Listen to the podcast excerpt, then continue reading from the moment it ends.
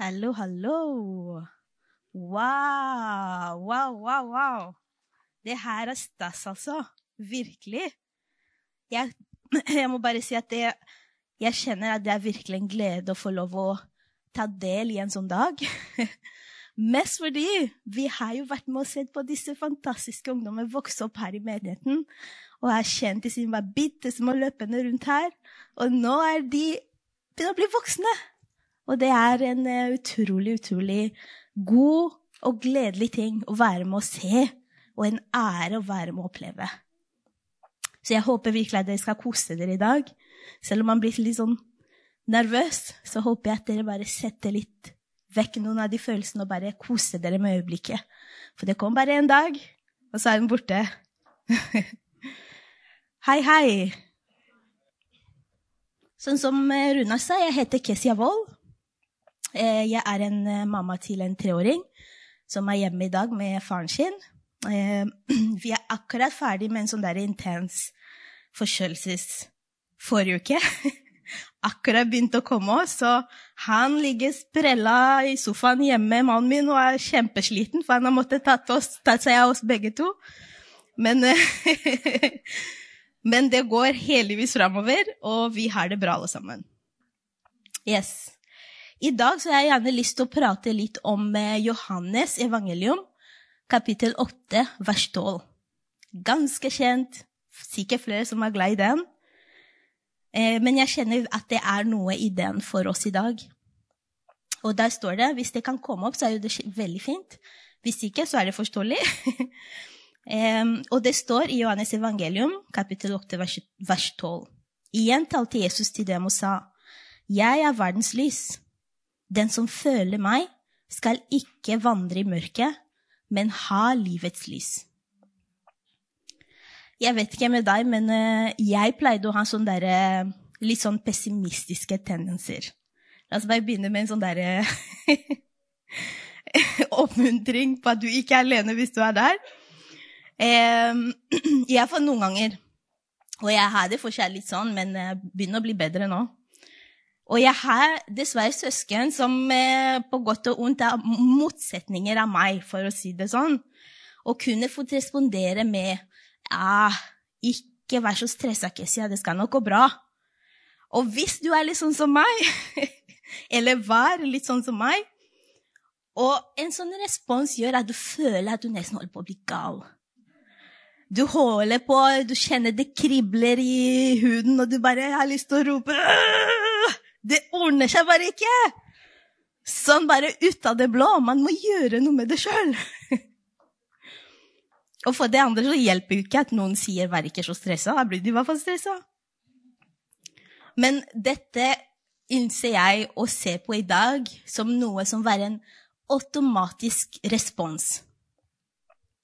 Eh, og dette er et nytt ord jeg har lært, eller i hvert fall en, ny, en sånn ny måte å tenke på at vi har alle noen ganger automatiske responser i oss.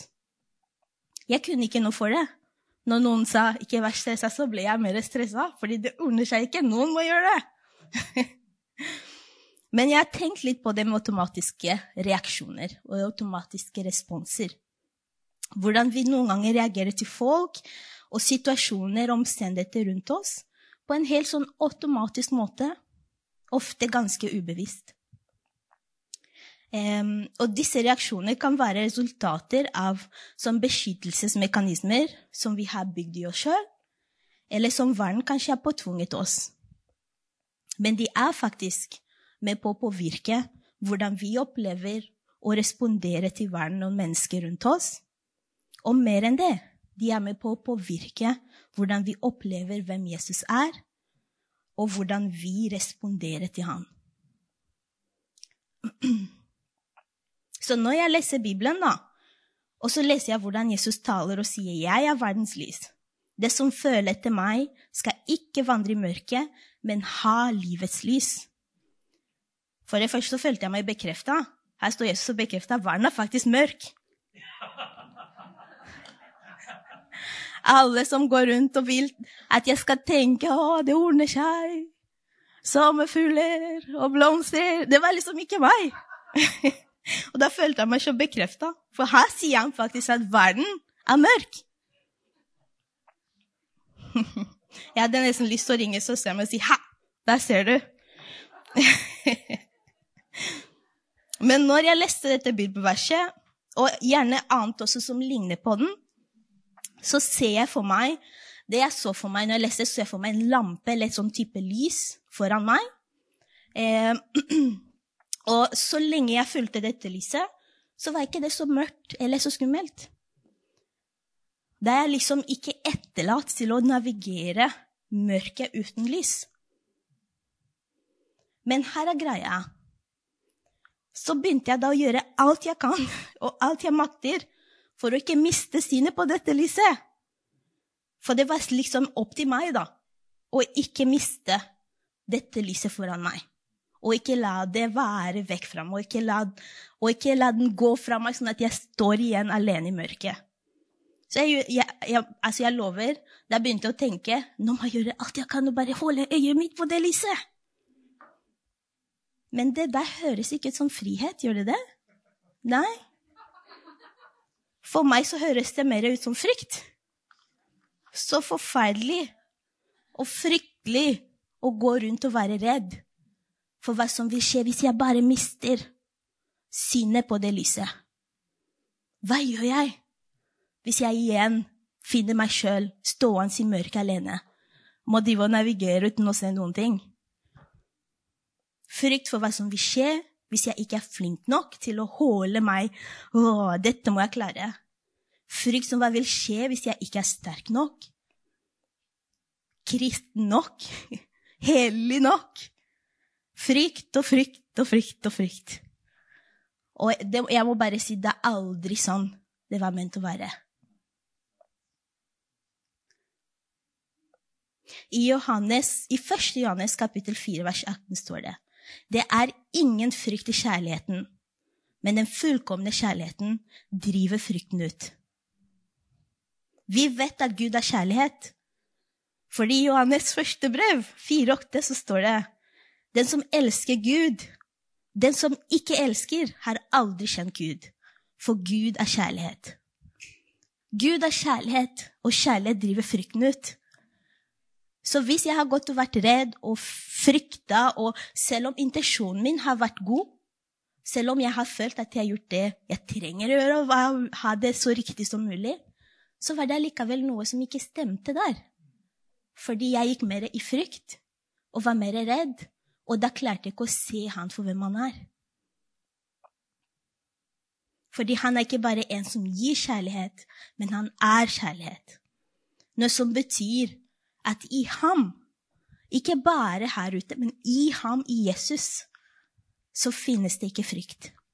I stedet, i hans nærvær og i vårt forhold til ham, så kan vi få oppleve at det som kanskje har bindet oss, bindet oss eh, Og for meg så var det kanskje mer frykt enn noe annet. At vi blir fri fra det. Fordi han ønsker frihet for oss. Så der var jeg da som en ung jente og superredd for å bli stående igjen i mørket. Og gjøre alt for å kontrollere og ordne og fikse. Noe som jeg ville da kalt en automatisk reaksjon. Men det var en reaksjon for en grunn. Den var der for en grunn. Jeg har opplevd mye mørke i livet mitt. Jeg har opplevd på kroppen hvor mørk verden er. Det er ingenting å nekte. Det er ingenting å skjule på. Og jeg tror vi er kanskje flere som har levd et sånn kristent liv. Hvor vi Alt som har skjedd oss, alt som har blitt påtvunget oss, alt vi har opplevd, alt vi har gjort At det er med på å gjøre at vi føler at dersom vi ikke er flinke nok, dersom vi ikke er sterke nok, så er det ingenting som kommer til å skje. Der blir vi sittende der i vår egen mørke, uten noe lys, uten noe hjelp, uten noe vei videre.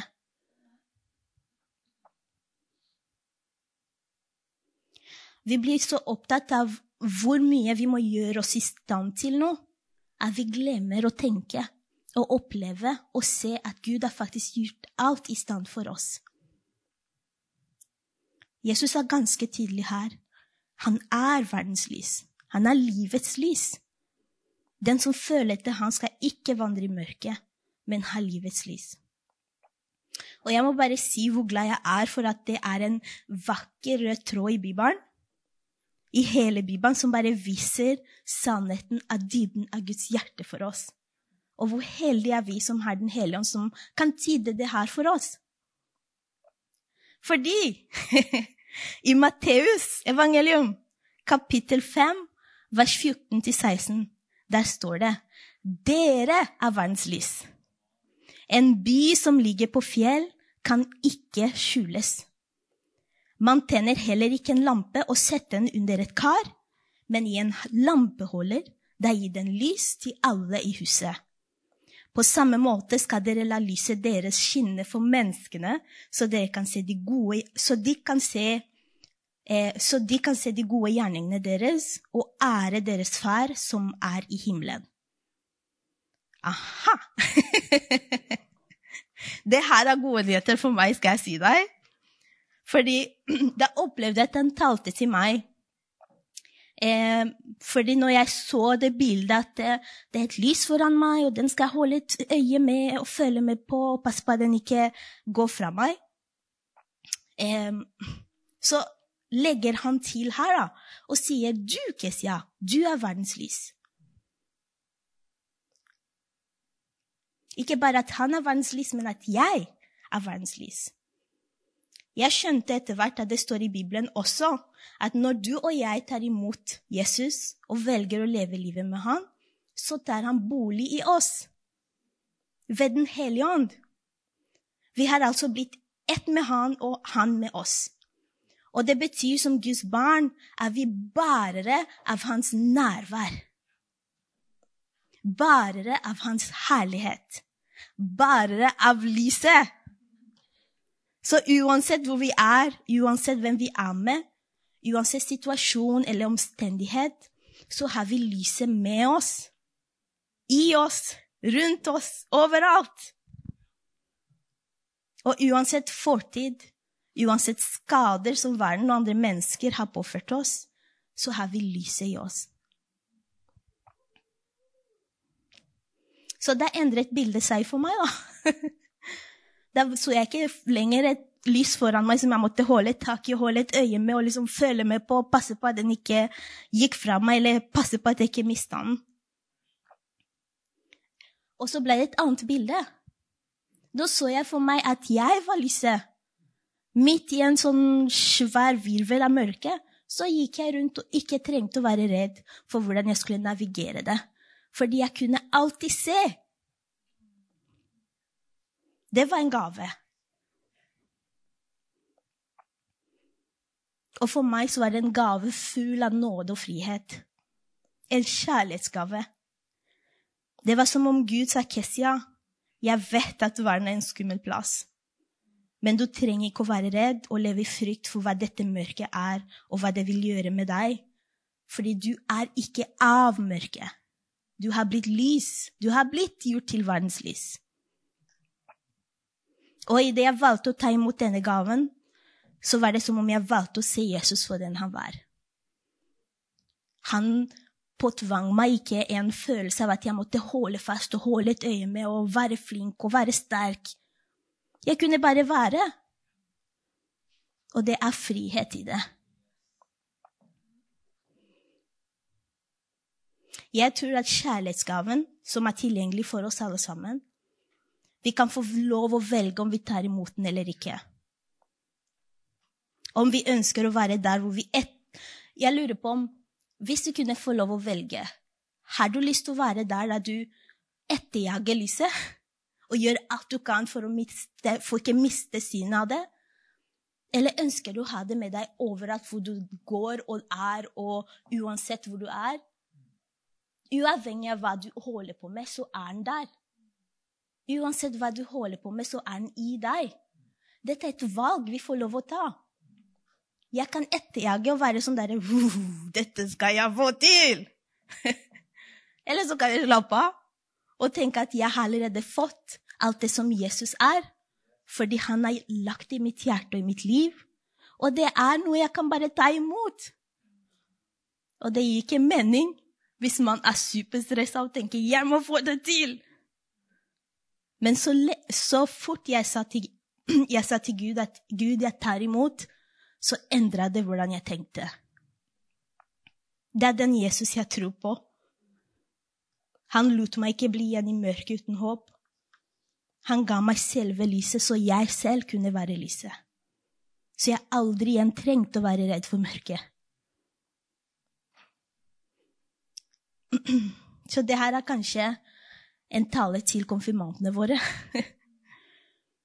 Jeg vil oppmuntre deg, kjære konfirmant, og gjerne alle andre her i salen, på Trønds liv her i dag, og husk at Jesus er med deg.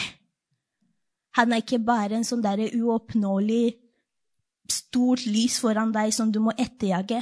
Han er med deg. Alltid. Han er ikke bare noe som du må jobbe hardt for og streve for og være sterk og perfekt for. Han bor i deg. Han lever der. Og så lenge du velger å ha han i ditt liv, så trenger du aldri være redd for mørket.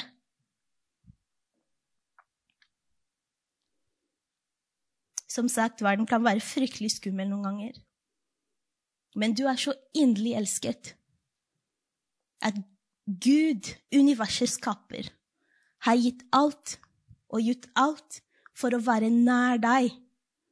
Ikke bare rundt deg eller noe du må liksom prøve å ta tak i, men virkelig nær deg. Virkelig nær oss. Og han ønsker å være så nær at det går ikke an å rive deg ut av hans hender. I første romerbrev, kapittel Nei, unnskyld. I romerbrevet, kapittel 8, vers 38, sier Paulus. For jeg er overbevist om at, om at verken død eller liv, verken engler eller myndigheter eller makter, verken det som er nå eller det som skal komme, verken høyde eller dybde eller noen annen skapning, skal være i stand til å skille oss fra Guds kjærlighet. Den som Jesus, Kristus, den som er i Kristus Jesus, vår Herre. Jeg skal avslutte med en samtale jeg hadde en gang med en veldig skjønn og veldig fin dame. Og der prata vi bare sånn helt casual, og jeg fortalte litt om det Gud har gjort for meg, hvem Jesus er i mitt liv. Og jeg husker den samtalen så godt. Og fordi når jeg var ferdig, så sa hun ja, noen er bare så heldige, Kessia. Du, får, altså, du har den evnen til å tro. Og, jeg, og sønnen min har det også, men jeg har ikke det, skjønner du. Jeg har ikke den evnen. Og jeg ble så trist fordi samtalen ble avbrutt akkurat der. Det jeg hadde lyst til å si til denne skjønne, fantastiske damen, det var at tro er en gave. Du kan velge å ta den imot. Den er tilgjengelig for hver eneste person over hele jorden. Og du kan velge å ta imot og tro at Jesus er den han sier han er, og at han gjør det han sier han skal gjøre. Og jeg har aldri opplevd at han ikke har gjort det. Og jeg vil minne deg på at i det verset hvor Jesus taler og sier at han er verdens lys, og at han er livets lys Konteksten før det her det er at han sitter og underviser. Og skriftlærde og fariserne de kommer bort til Jesus og har lyst til å felle ham. da. Få han til å på en måte vise at han er falsk. Så de tar med en kvinne til han og sier denne kvinnen ble tatt på fersk gjerning i ekteskapsbrudd. Og ifølge loven, ifølge Moses-loven, så skal hun steines. Og Jesus bare slapper helt av. og han kikker på dem og sier hvis ingen av dere, Nå er det paraphrasing. altså Hvis ingen av dere har syndet, eller ingen av dere er skyldig, la den første steine henne. Og jeg ble så grepet av dette her. Fordi ingen person, ingen av de, ingen, ingen av disse personene som tok med denne damen, klarte å fordømme henne. Ikke én. Fordi ingen av oss er perfekte. Ingen av oss er feilfrie. Og så spør Jesus henne og sier, 'Har ingen fordømt deg?' Og hun svarer, 'Ikke én, Herre'. Og Jesus sa til henne, 'Heller ikke jeg fordømmer deg. Gå bort og ikke synd mer.' Det er frihet. Det er frihet at hun får lov å velge. Og uansett hva vi tror og tenker, og hva andre sier om oss, eller hva andre har sagt om oss, eller hva vi tenker om oss sjøl Gud, verdens lys, han sier at 'jeg fordømmer deg ikke'. Gå bort og ikke synd mer.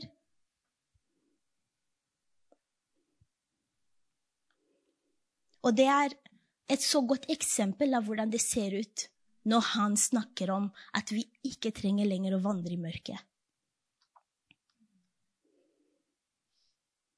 Så jeg vil minne deg, kjære konfirmant, på at det er ingenting å si hva andre tenker om deg. Det har ingenting å si hva andre sier om deg. Det er heller ingenting å si hva som har skjedd deg en Jesus kom for deg. Han kom for deg rett og slett fordi han elsker deg så innmari høyt. For så har Gud elsket verden at han ga sin sønn, den enebårne, for at hver den som tror på ham, ikke skal gå fortapt, men ha evig liv.